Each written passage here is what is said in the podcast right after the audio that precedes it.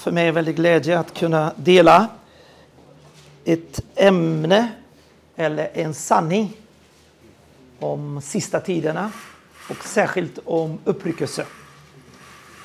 Så jag vill börja läsa först eh, första Tess kapitel 4, vers 13 ända till slutet och ända till 5, kapitel 5, vers 11. 4.13 till 5.11. Så kan vi börja läsa om, eh, om den underbara text. Och då står det Bröder, vi vill att ni ska veta hur det blir med dem som har insomnat så att ni inte sörjer som de andra, de som inte har något hopp. Eftersom vi tror att Jesus har dött och uppstått så ska Gud på samma sätt genom Jesus föra fram det insomnade tillsammans med honom. Vi säger er detta enligt ett ord från Herren. Vi som lever och är kvar till Herrens ankomst ska alls inte komma före det insomnade. 16. När en befallning ljuder en, en ärkeängels röst och en Guds basun, då ska Herren själv komma ner från himlen och de som har dött i Kristus ska uppstå först. Därefter ska vi som lever och är kvar ryckas upp bland skyar, molnen, tillsammans med dem för att möta Herren i rymden. Och så ska vi alltid vara hos Herren tröstade för varandra med dessa ord. Halleluja! Vi tröstar här varandra. Vi får tröst här ikväll. Ingen rädsla, bara tröst. Styrka och tröst. När det gäller tider och stunder, bröder, behöver vi inte skriva till er. Ni vet själva mycket väl att Herrens dag kommer som en tjuv om natten. När folk säger fred och trygghet då drabbar undergången dem lika plötsligt som verkarna hos en kvinna som ska föda. Och det slipper inte undan. Men ni bröder, lever inte i mörker så att den dagen kan överraska er som en tjuv. Ni är alla ljusets barn och dagens barn. Vi tillhör inte natten eller mörker. Låt oss därför inte sova som de andra utan att hålla oss vakna och nyktra. Det som sover, det sover om natten. Och det som berusar sig är berusade om natten. Men vi som tillhör dagen ska vara nyktra, iförda tron och kärleken som rustning och hoppet om frälsning som hjälp. Gud har inte bestämt oss till drabbas av vredesdomen utan till att vinna frälsning genom vår Herre Jesus Kristus. Han har dött för oss och för att vi ska leva med honom vare sig vi är vakna eller insomnade. Uppmuntra därför varandra och uppbygg varandra så som ni redan gör. Tack Jesus att ännu en gång ber vi här denna kväll. Vi vill få tröst från dig och helige Ande. När vi talar om de sista dagarna, sista tiden, så vill vi få eh, en uppmuntran, uppbyggelse, från den helige Ande. Tack helige Ande att det är du som ger oss, du som ger oss vishet och uppenbarelse. Och vi ber dig Fader, så som Paulus bad i Efesierbrevet. Vi ber Far, ge oss vishetens och. Fader. Och det är enligt din vilja och därför vet vi att ikväll ska vi gå ut härifrån eh, med mera uppenbarelse, med mera tydlighet, med mera förståelse och med mera glädje för Maranata. Vi älskar din ankomst. Vi älskar dig att du kommer snart. Att vi ska se dig tydligt och klart, konkret och vi ska äntligen få leva på ett synligt sätt Guds rike här på jorden. Och din härlighet ska fylla hela jorden. Och vi ska till Sion, eh, Sion eh, berg för att eh, få lyssna mera om dina lagar. Och hela världen ska tillbedja, komma för att tillbedja dig. Tack. Det är intressant att för ungefär precis ett år tillbaka, jag kollade mina anteckningar 12 december, så, började, så gav jag en bibelstudium om Markus 13, de sista dagar. Och eh, där jag delade om att vi behöver se vad som sker runt omkring. Vi behöver vaka, vi behöver vara förberedda och förbereda inför eh, och be att vi ska slippa. Eh, Lukas, Lukas 21 så står det att vi ska slippa eh, det här som ska komma som en eh, snärja. Så det här gav jag eh, för ett år tillbaka. Och eh, efter eh, Samis eh, begäran här så bad han att jag skulle kanske dags att tala igen. Och då hade Söra redan och Pelle bett mig att dela om, Specifik om uppryckelse. Och det har jag inte gjort. Så därför tar jag tillfälle att göra det nu. Uppryckelse. Ordet eh, det står just som vi har läst i första tes 4, eh, vers 17, så står det Därefter ska vi som lever och är kvar ryckas upp. Och därför använder vi substantivet uppryckelse. Och det här ordet på det grekiska är det här. Och, eh, och det står precis här och andra eh, 16, eh, 13 gånger. Men det är, det är inte allt alla 13 gånger är, hänvisar inte eh, om uppryckelse. Jag ska nämna sedan. Men vad betyder uppryckelse enligt det här ordet? Om man går till den studiebibel som flera har, då kommer det att säga vad det betyder uppryckelse. Det betyder ett radikalt och plötsligt ingripande från Guds sida. Plötsligt ingripande från Guds sida. Det betyder att eh, snappa upp något, att föra bort något. Det betyder att plundra, stjäla eller föra bort något. Någon eller något. Så det är själva ordet, vad det betyder. Och varför? Det är för att Johannes 10, när det talar om den gode herde, så talar också om vargen. Och vargen, han rycker fåren ur jorden och splittrar. Så det här är ordet harpazo står det också för vargen som snabbt, plötsligt, så tar han och skäller. Det här är den negativa sidan. Den goda sidan är att Gud griper in och upprycker oss. Den, han, Gud skäler oss. Men det är den negativa sidan på så sätt, för det är inte han som skäller, eller hur? Det är för vi tillhör honom. Men det ska vi gå igenom i en annan text, att han kommer som en tjuv tjuv. Så det här ordet står det i första tis. Och det här ordet betyder då, eh, betydelse av eh, uppryckelse var det som jag nämnde.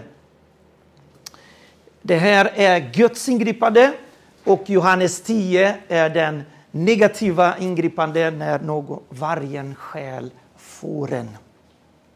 Men tack och lov, det står strax efter att vi är i, faders, i, min hand, i min hand, säger Jesus, och säger sedan faders, och vi är i faders eh, hand, eller hur? Och eh, fienden kan inte rycka oss från Jesu hand, Jesu hand och faders hand. Tänk, vi är på varje hand skyddad av Gud. Men det är bara han, tack och lov, som ska stjäla oss från jorden till uppåt. Och då är det, det är det som vi ska gå igenom om uppryckelse. Det är inte alla kristna som tror på uppryckelse. Eh, alla tror på att Jesus kommer tillbaka. Hans andra återkomst. Men det är inte alla som tror på uppryckelse. Och därför behöver vi gå igenom ordet för att få en tydlighet och en klarhet och en övertygelse. Hur får vi övertygelse? Bara vi vet med äh, två gudomliga instrument. Det är Guds ord. Vi kan bara få övertygelse genom att läsa Guds ord. Och när anden uppenbarar ordet för oss. Eller hur? Då kan vi få övertygelse. Och därför behöver vi, eh, därför behöver vi gå till ordet. Och därför är jag glad att flera här har hört mig flera gånger och ni, och ni som har hört mig inte tröttnar.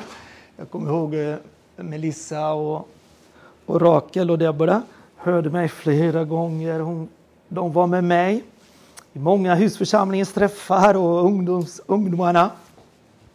Och en lördag så gjorde jag en maraton där med sex timmar tror jag. I Brasilien 2016, sabbatsåret.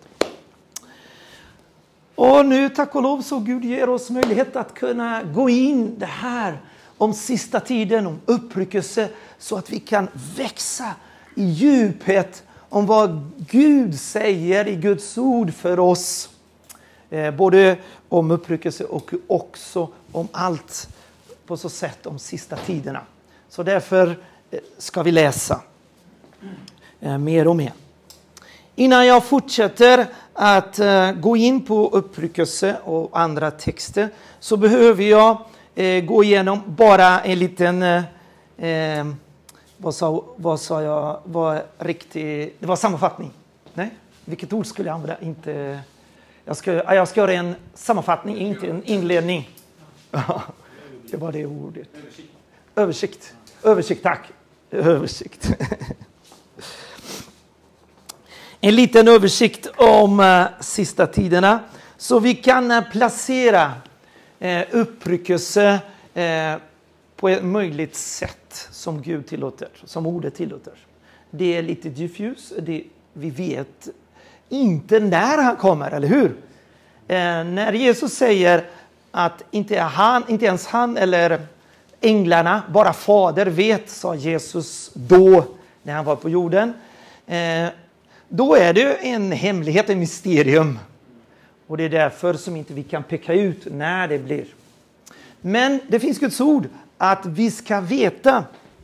När vi har läst första versen i första TS 4, 13, där står det eh, vi vill att ni ska veta hur det blir. Och så vidare. och så vidare.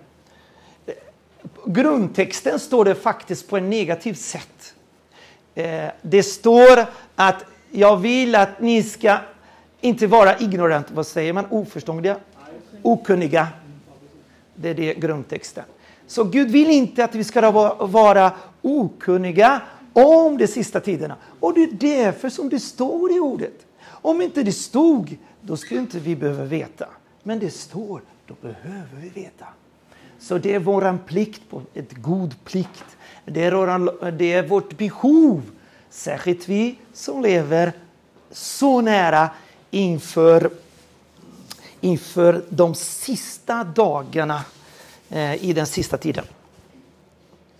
Så vi får inte vara, nu har vi Bibel i, i många, innan eh, Luther så hade de inte ordet tillgängligt, men nu har vi efter 1500-talet, så nu kan vi läsa, nu kan vi forska.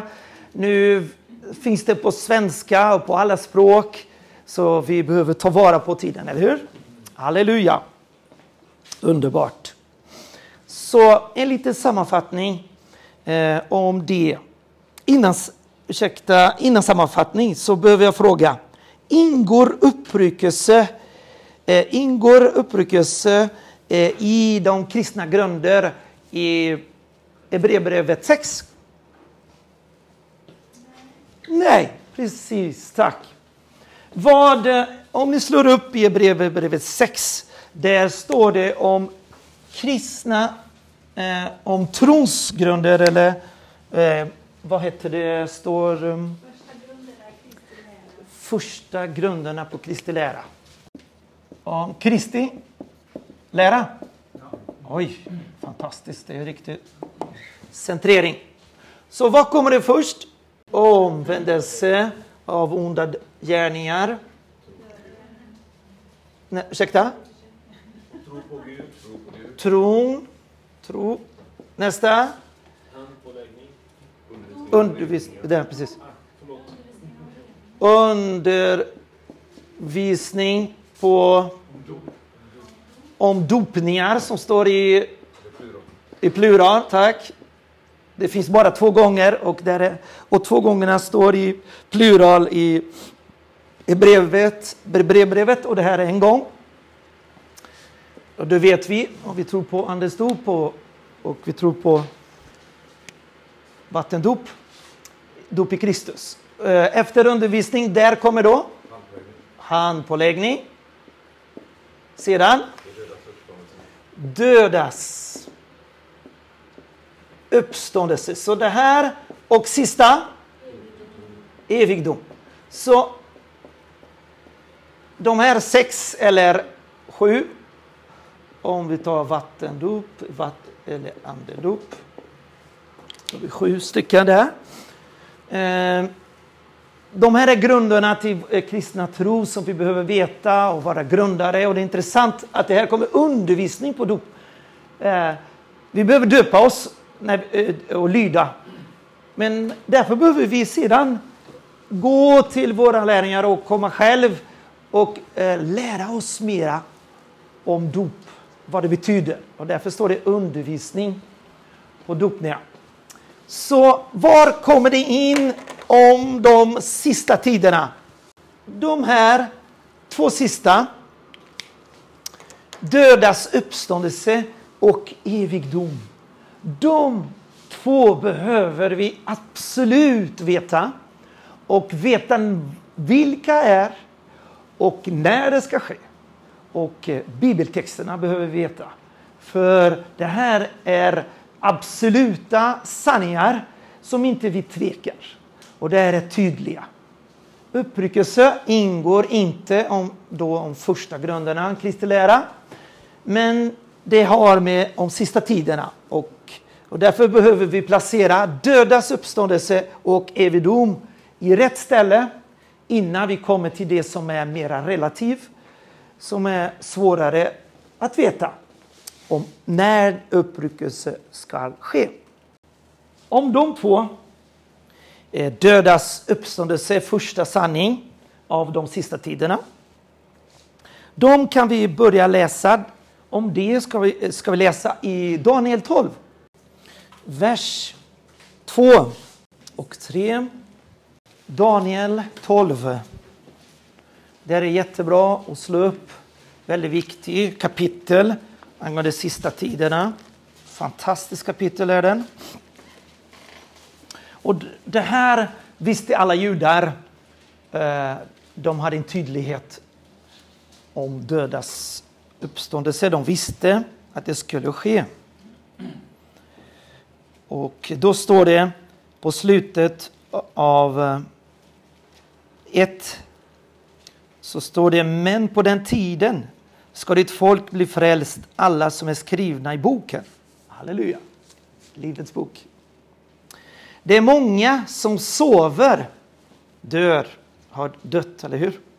I möllen ska vakna, dödas uppståndelse. Några till evigt liv och andra till förakt och evig skam. Det förståndiga ska då lysa som himlavalvets ljus och det som har fört många, och det som har fört många till rättfärdighet som stjärnorna för alltid och för evigt. Så det här visste eh, Maria och Marta när de kom springande. Vem kom först springande till Jesus? Det var Marta. Eh, här visste de redan när Lazarus hade precis, eller fyra dagar dött. Här visste de.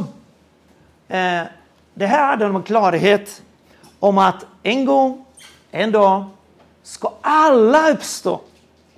Men några till straff, till evig skam och till förakt och några till evigt liv. Och Jesus säger istället för straff i Johannes 5, 29, då säger han att några ska uppstå till dom. Så det finns en uppståndelse som är till dom. Och det här är en evig dom. Därför är det en kristen tro. Men vad är det skillnaden med det som kom efter Kristus, alltså efter korset? Så skedde eh, en förändring i den andliga världen, både i det, i det som där människorna dog, där de gick under jorden, så skedde en förändring på korset. Och det förklarar Jesus, inte i hans liknelse, men i hans historia om den rike som inte fanns namn. Intressant, eller hur? Och den fattiga heter Lazarus. Han hade ett namn, för han hade ett evigt liv, eller hur? Den fattige, han kallades av namn. Han hade ett namn. Den andra skulle dö för evigt, den rike. Så, så där förklarar han, Jesus, eh, var människa skulle, var de gick innan korset. De gick, den eh, rike gick till den en pini, pinorum. Va? Pinorum. Där, de, där, de, eh, där han svettades och hade törst. De pinades. De pinades. De heter pinorum. Och den, eh, och, och den eh, Lazarus gick till Abrahams famn. Och där hade han inte en törst. Det var Abrahams famn. Så där hette det Hades på det grekiska och på det eh, hebreiska så kallade Sheol. Som är platser där de döda gick. Alltså själen gick hit. Eh, båda gick hit till Hades. Men den, de som inte trodde på Gud, som inte trodde på en Messias som skulle komma, gick till den pinorum och pinades. Och mellan de två, vad fanns det mellan de två? Står det att han kunde inte gå, gå till den andra platsen. En svall. Som det var omöjligt att gå till den andra platsen och flytta sig. Det var omöjligt att flytta sig. Själen. Och det här är under jorden. Här under jorden. Det är en fysisk plats som finns under jorden där själarna går när de dör. Kroppen stannar dem och förmultnar eh, och blir mineraler. Men anden går, direkt, eh, anden går tillbaka till Gud och själen går till sin plats. Ja, precis. Vi kan inte gå in, men en eklesiastisk eh, eh, eh, som betyder på svenska. Predikaren står att anden går till Gud. Det kan, kan vi gå igenom sedan. Så bara jag tar en snabb här. Kan du det där, vet vilken text det är om? Lukas, Lazarus. Lukas kan, någon kan hjälpa mig? Ja. Mm. Jag kommer inte ihåg i mitt huvud.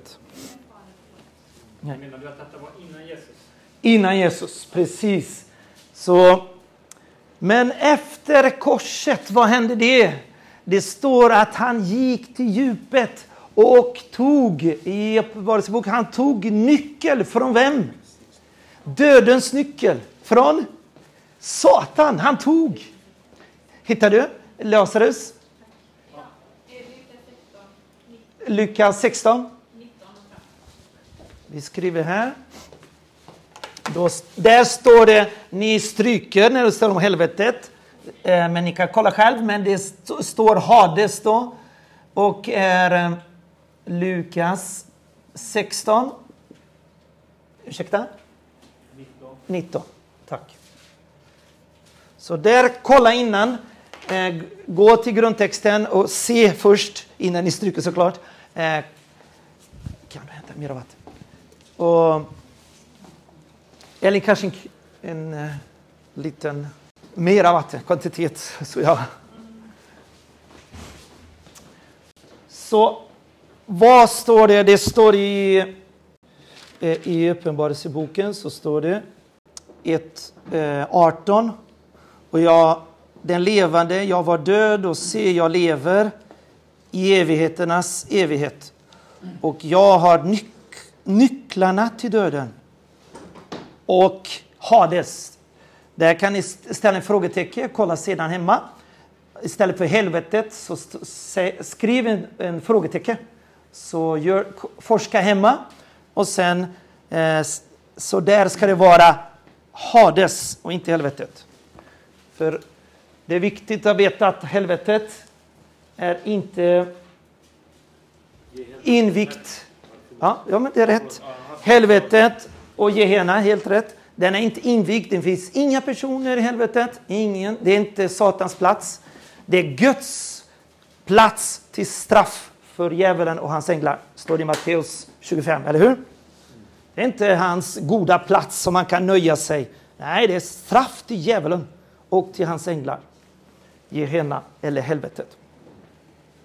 Men Hades, som är Sheol, då eh, Jesus gick dit till Hades och han ty, tog både dödens nycklar och eh, han tog eh, Eh, Hades nycklar. Varför tog han Hades nycklar? I Efesierbrevet eh, 4 så står det att han tog till fånge eh, 4 Efesierbrevet 4.8. Därför hette det, han steg upp i höjden, han tog fångar och gav människornas gåvor. Eh, det att han steg upp, vad innebär det om inte att han också stod, steg ner till jorden? Han som stod, steg ner är också den som steg upp över alla himlar för att uppfylla allt. Varför kan vi förstå det här pusslande? Där, kommer ni ihåg när Stefanus dog?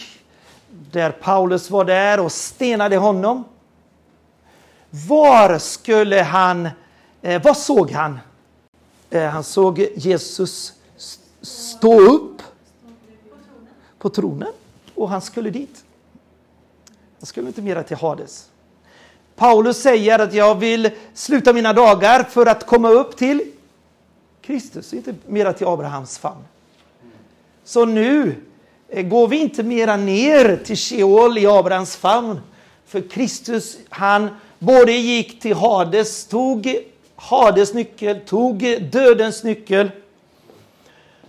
Och det, om vi läser i Uppenbarelseboken så vet vi att vi, för, vi kan förstå att det är en person, döden, en ängel som är precis av de teckningar med lie, vad säger man, eller hur?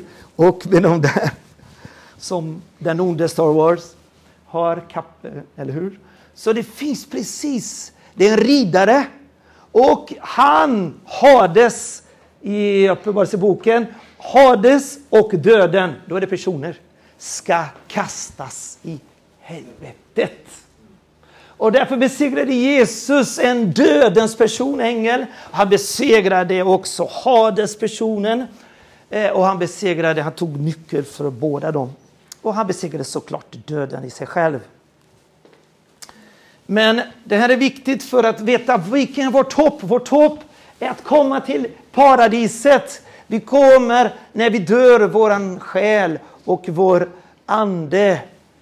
De går upp tillsammans i paradiset och inte mer här i Abrahams famn.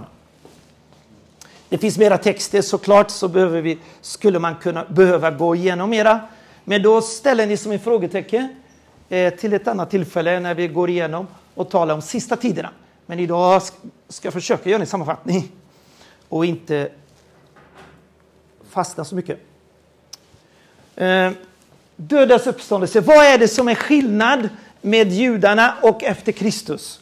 Det här skillnaden ser vi väldigt tydligt i Uppenbarelseboken 20. Här visar oss en väldigt bra eh, förklaring om den nya förändring av dödas uppståndelse. Uppenbarelseboken 20, 4 till 6 tror jag det räcker först.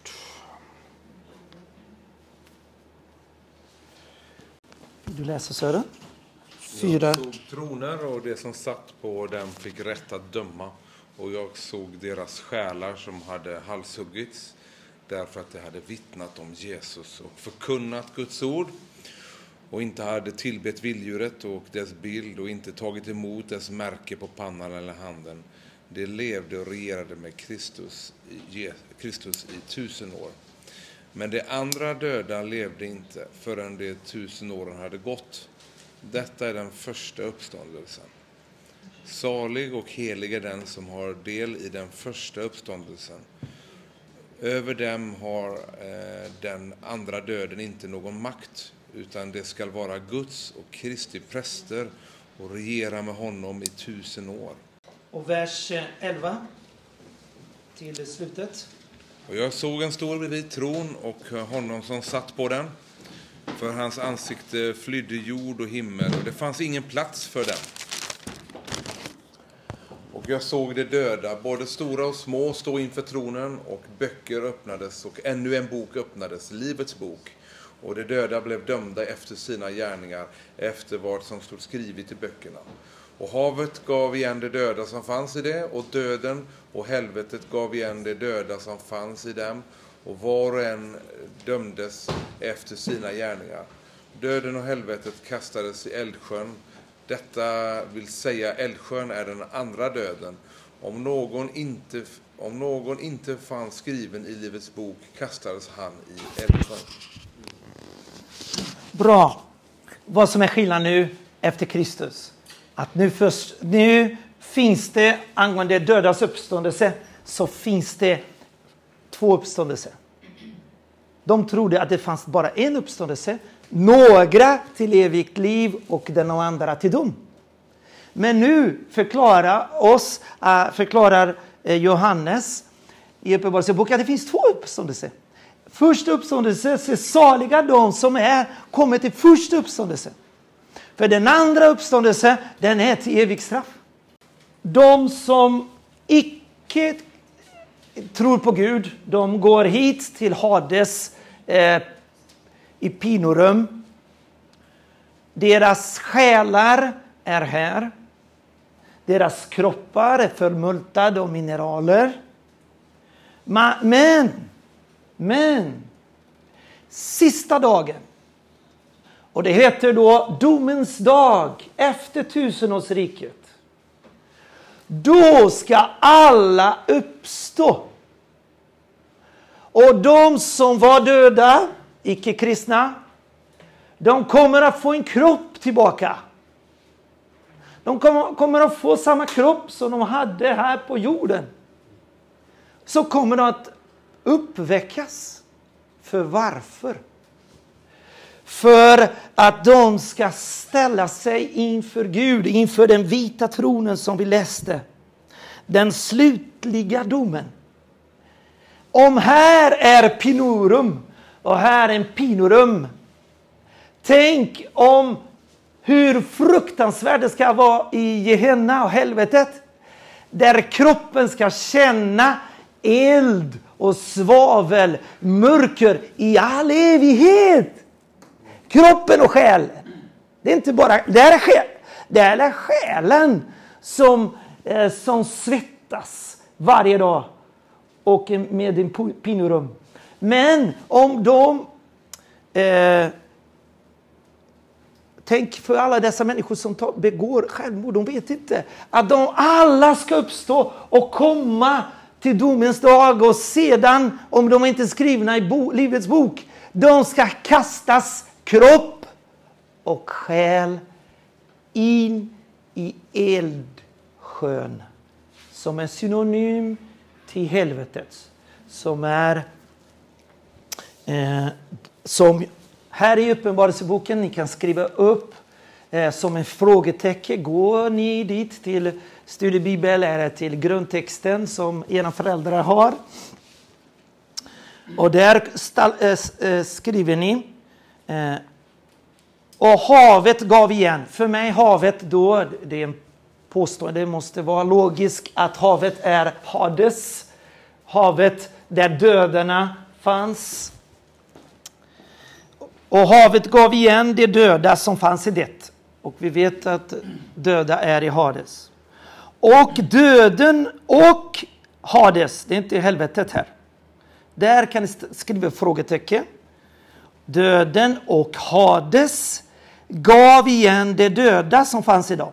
Då är det två änglar, eh, logiskt sett, eh, för, förmodligen, är, säger Derek Prince då, att det är två eh, eh, mörka änglar som tar hand om Hades och som tar hand om döden. Som Gud säger, nu kan den personen, du kan ta den döden ängel och, ge, och ta den till Hades dåliga. Det är Gud som bestämmer. Eh, alla folk går till Gud och det är min förståelse då utifrån predikaren. Alla, alla ser ljus, ofrälsta eller frälsta, hur? Alla ser ljus. Det är ett, en, eh, som människorna skriver här på jorden då faktum. Och, eh, och vad Bibeln säger är att all ande går till Gud. För anden är den plats som Gud ska bo. Det är den plats som alla vi kan omvända oss, ofrälsta. Och det är tack vare Anden som vi kan få ett evigt liv. Därför är alla ofrälsta har en vilja. Jag, behöver, jag har en tomhet, en tomhet, en tomhet. Jag behöver bli frälst. Var, varför, har jag, varför har jag tomrum? För han har en ande som kan bli frälst. För han har en ande som han, Gud har skapat honom till evigheten. Men en dag ska det tas bort, hans ande. Det är omöjligt att bli frälst när han dör på jorden. Hans and, han kommer aldrig ha möjlighet att, att, att, att ha evigt liv igen. För hans ande kommer tas bort. Det är min förståelse då. Hans ande tas bort och aldrig mer kan bli frälst. Och då är han bara själ och sedan uppstår med kropp och han ska dömas. Om han inte står skrivet, eh, då ska han kastas i helvetet. Hur förstod du att kroppen också var med? Nej, nej, eh, han, han behöver uppstå i, till andra uppståndelse. Han behöver, det är andras uppståndelse. Eh, och där är den andra döden. Eh, så... Men du förstod att kroppen var med också, inte bara själen? Ah, för uppståndelse. Uppståndelse betyder att vi, eh, eh, får en kropp, vi får en kropp. Vi, vi blir lika Kristus, men Daniel, att de som sov, de blev väck, uppväckta. Och Jesus 5 sa det, eh, uppstår några till liv och några till straff, till dom. Det betyder att alla ska uppstå. Alla kommer att få en kropp, men några till evigt liv, vi som är frälsta, och andra till dom. Då ska de alla få en ny kropp, äh, en kropp då, eh, de som är döda. Fredrik, du sa någonting att det skulle ett frågetecken någonstans. Jag uppfattade inte vad som frågetecknet. I helvetet, där ska ni frågetecken, för det är Hades istället för helvetet. I Uppenbarelse 20, eh, 13 tack och 14. Eh, och Eldsjön, det är synonym då. Eldsjön, det är precis, det är rätt, helt rätt eh, översättning. Det är kategor, bokstavligt. Eh, eldsjön, det är precis, de har översatt perfekt här. Så det är sjön av eld. Så det är synonym till helvetet. Eh, det är ett annat ord som, de, som Guds ord står om helvetet. Och helvetet betyder den andra döden. Den första döden betyder när vi dör kroppen här. Men den andra döden, Den har inte makt över oss. För den andra döden betyder död i helvetet. Den har ingen makt över oss. Ingen makt över oss. Tänk, halleluja. Men det har makt tyvärr över dem som är ofrälsta. Så det här är evigdom som är viktigt att veta då om att eh, saliga de som går till första upp, eh, uppståndelse. För den andra uppståndelse, den går till eh, domens dag eller evig dom. Och det är efter tusenårsriket. För det står i de här verserna 7 ehm, så står det Uppenbarelseboken 20, 20, vers 7 så står det och när de tusen åren har nått sitt slut ska Satan släppas ut och så vidare. Och djävulen som hade förlett i vers 10 eh, ska kastas i sjön av eld och svavel, alltså eh, helvetet. Så när ska Satan kastas ner till helvetet? Här är Satan. Eh, på efter tusenårsriket. När är han under tusenårsriket? Var någonstans står det? Det står det där i vers 7. Eh, vilk, eh, fängelset. Var är fängelset? I vers 3. Vers 3. Vilken plats ska Satans fäng, eh, Satan fängslas i tusen år? I avgrunden. Det är en tredje plats under jorden som är varken Hades, Sheol och som jag, jag skrev här, avgrunden. Abysos på grekiska. Och det är helt en annan som, som är, är tredje plats. Och där, där kan ni gå igenom någon när ni läser Uppenbarelseboken. Där finns enligt uh, andra P Eh, 2 står det om eh, en plats där änglarna eh, kastades i fängelset. Så det är en plats, plats både som, som första P säger om att Jesus gick till platsen för att predika till andarnas fängelset. Det står i andra P eh, 2.4 så står det Gud skonade ju inte änglar som hade syndat utan kastade dem i avgrunden och överlämnade dem åt mörkrets kedjor för att hållas i förvar fram till domen. Så det är en annan plats. Och, eh, och det finns en plats i första P3 19. Så står det att han gick ner för att predika till andarna i fängelset. Första P3 19. Derek Prince tror att, att avgrunden ligger under det djupaste av djupaste av Hades. Och det... Och han gick dit för att predika hans seger. Inte att de skulle omvända sig, men att tala ut hans seger. Bra. Så det finns evigt liv, eller det finns evig död? Precis, där är det precis. Helvetet är det evig död. Evig död. Och det står att det är mörker. Och det är både som luktar svavel Eh, och, eh, och det är, det är tänder gnister och det är eldsjön och det är svavel och djupaste mörker. Så om allt det goda finns hos Gud och allt det dåliga finns hos helvetet, i helvetet. Allt det dåliga. Så vad är dålig? Är mörker. Mörker är frånvaro av ljus. Det är intressant att det ska finnas, det är eldsjön med mörker. Fruktansvärt. Eldsjön av mörker. Och som eh, eh John Bevere eh, eh, förklarar hans bok i evigheten där om att det är typ hålor, eh, enskilda personer. Det är ingen kommer att komma umgås. För att umgås är gudomlig att umgås. Här kan personerna njuta och ha vänskap.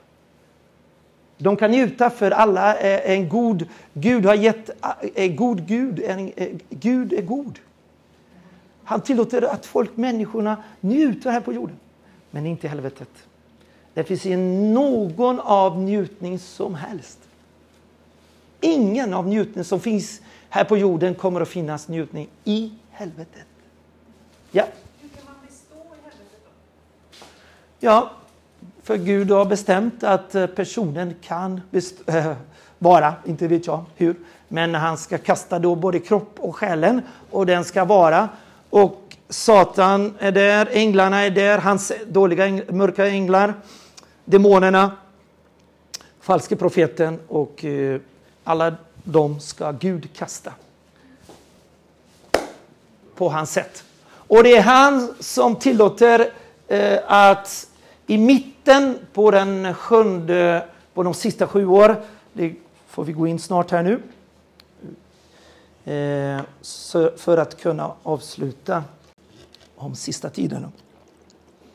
Men var, då har vi sett att det finns eh, första uppståndelse, när basunen ljuder, eh, har vi läst i första tes 4, när basunen ljuder, då ska eh, de insomnade, som är, alltså de som är i paradiset, som har bara själ eh, och ande, de ska uppstå och få en ny kropp lika Kristus. De, är, de har bara själ, de har inte kroppen. Men när änglarna, när det, den sista basunen ljuder, eh, då ska de få en kropp. Och, de som, och vi som är kvar eh, ska ryckas upp och eh, fira med honom. Eh, och vi ska belönas. Så det här är första uppståndelse. Och de okristna, de bara uppstår efter tusenårsriket till dom. Men vi uppstår när Jesus upprycker oss. Då får vi en kropp. Vi ska bli förvandlade, så står i, i första Korinthierbrevet 15. Eh, I ett ögonblick blir vi förvandlade, vi får en ny kropp, vi blir lika Kristus direkt på stubben. Halleluja. Så vad som är viktigt av, eh, av dom är att vi kommer att ha en kristendom där vi kommer att belönas.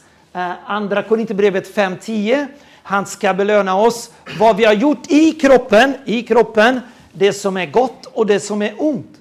Som John Bevere säger i hans bok, vi ska få en belöning, en, en belöning från 0 eller 100 procent som Bevere säger. Beroende på vad vi har gjort här på jorden. Och där står istället för livet, andra Korinthierbrevet 5, 10, så står det vad vi har gjort här i livet. Nej, det står i grundtexten i kroppen. Så det är väldigt konkret. Vad vi har offrat i kroppen. Vad vi har gjort med kroppen till Kristus. Så kroppen, därför är det väldigt, kristna livet väldigt konkret. Det är Romarbrevet 12 direkt som gäller. Och allt vad du gör med din kropp alltså. Du betjänar, du städar, du, du är glad, du, du betjänar andra, du hjälper på lägret, du städar badrum och du gör allt det här till honom. Och allt vad du gör, det är ont. Eh, onda så kommer du få inte belöning såklart. Men det goda, allt det goda, om du gör 30 procent eller om du gör 100 procent. Om, du fått, om du har gjort 30, bara Gud vet det här matematiken, vi vet ingenting. Men om du får, då kommer du få 30 procent, halleluja. Men annars får du 100 procent. Amen. Det är Kristi dom. Det är inte dom till straff. Det är en belöning. Tack och lov, för vi har redan evigt liv. Vi kommer inte förlora. Vi är kristna. Eller hur? Det är belöning. Noll eller hundra. De andra, eh, de, de eh, de som varit döda, de kommer att uppstå och till den vita tronens eh, dom som, som vi har läst i Uppenbarelseboken 20 där. Den slutliga domen, så står det i titeln. Men det finns en dom till, det är viktigt. En dom till. Tredje dom. Det finns nationernas dom. Ni har läst de texterna som jag bett kanske. Eh, och där står det i Matteus 25.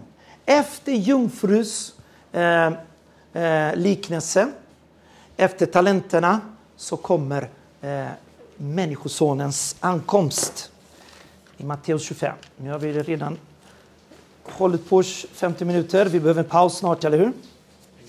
Men jag kanske snart ska sluta för paus, men jag bara tar det här. Människosonens dom i Matteus 25, vers 31 eh, och eh, sedan. Det är intressant.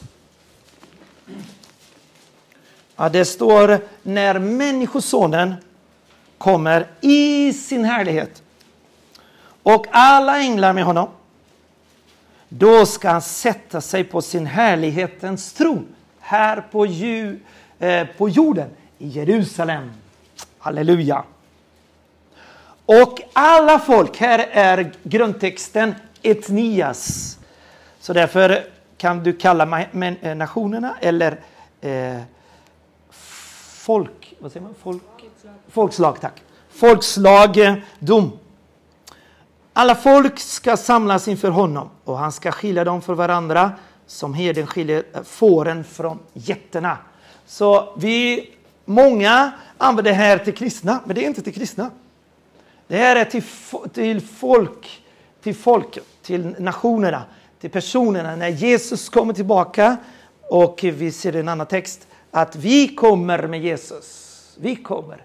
All Jesus med alla heliga och Faders änglar kommer ner till Olivberget tillsammans. Vi kommer ner från himlen ner till Olivberget i Jerusalem. Och där ska han sitta på tronen och eh, hålla en dom. Och vilka villkor ska han använda?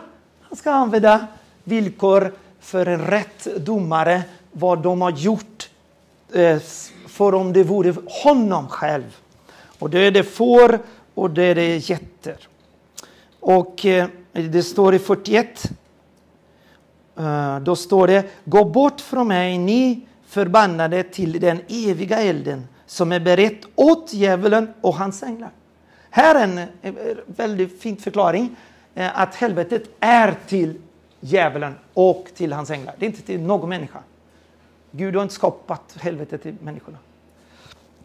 Men människornas tyvärr val gör tyvärr det här. Ja, vi kanske kommer till det. Hur, hur kan vi komma ner där tillsammans? precis. Ja, ja, det är det som vi kommer, precis. Det är det som vi kommer strax. Vi ska komma ner också. Vi ska prata om det. Jag tänkte bara på de här orden, Hades, avgrunden och helvetet. Ja. Det med alltså, grundtextorden? Ja. Eh, finns det något samband där? Eh, du nämnde lite grann där om... Eh, Ja. jag tänkte alltså, det som man kan läsa med grundtexten, Mm. man se en tydlig... Eller är det typ eh, 14 olika ord för de här? Nej, Eller, nej, det är som jag sa. eh, Helvetet så finns det några flera ord som vi har läst i Uppenbarelseboken. Det är om eldsjön. Det är, en, an- det, är en, det, det är på grekiska precis bokstavligt eldsjön. Pino, inte vet jag, sjön. Så det är eldsjön. Och så finns det Gehenna. Eh, det är, Gehenna, eh, Elsjö. Ja, det är som står i grundtexten då. Och Hades är Hades.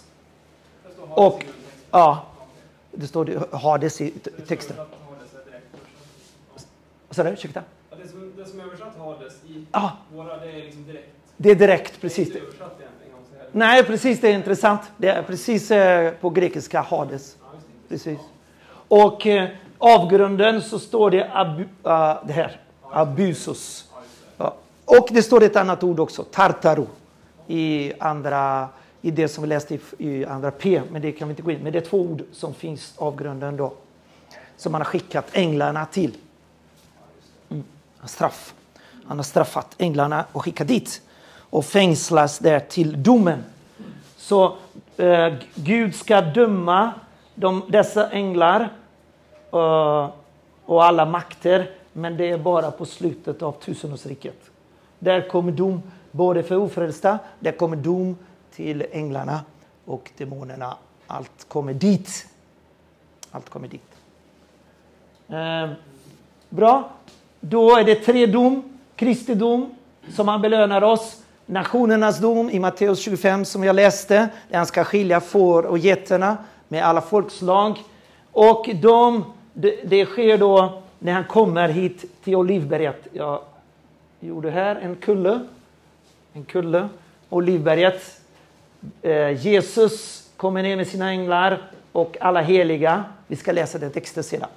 Vi kommer ner till Olivberget. Jesus återkomst är hit.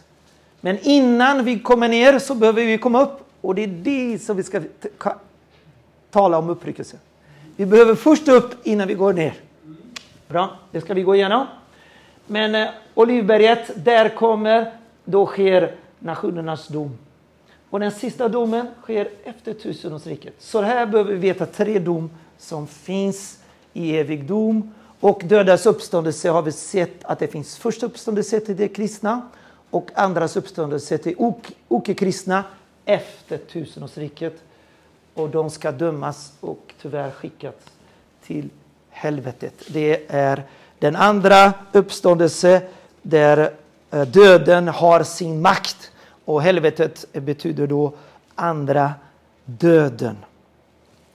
Bra, då har vi talat om dödens uppståndelse, om evig dom och lite av allt. Och nu tror jag att vi kan eh, göra en paus för att fortsätta i det ämnet som vi är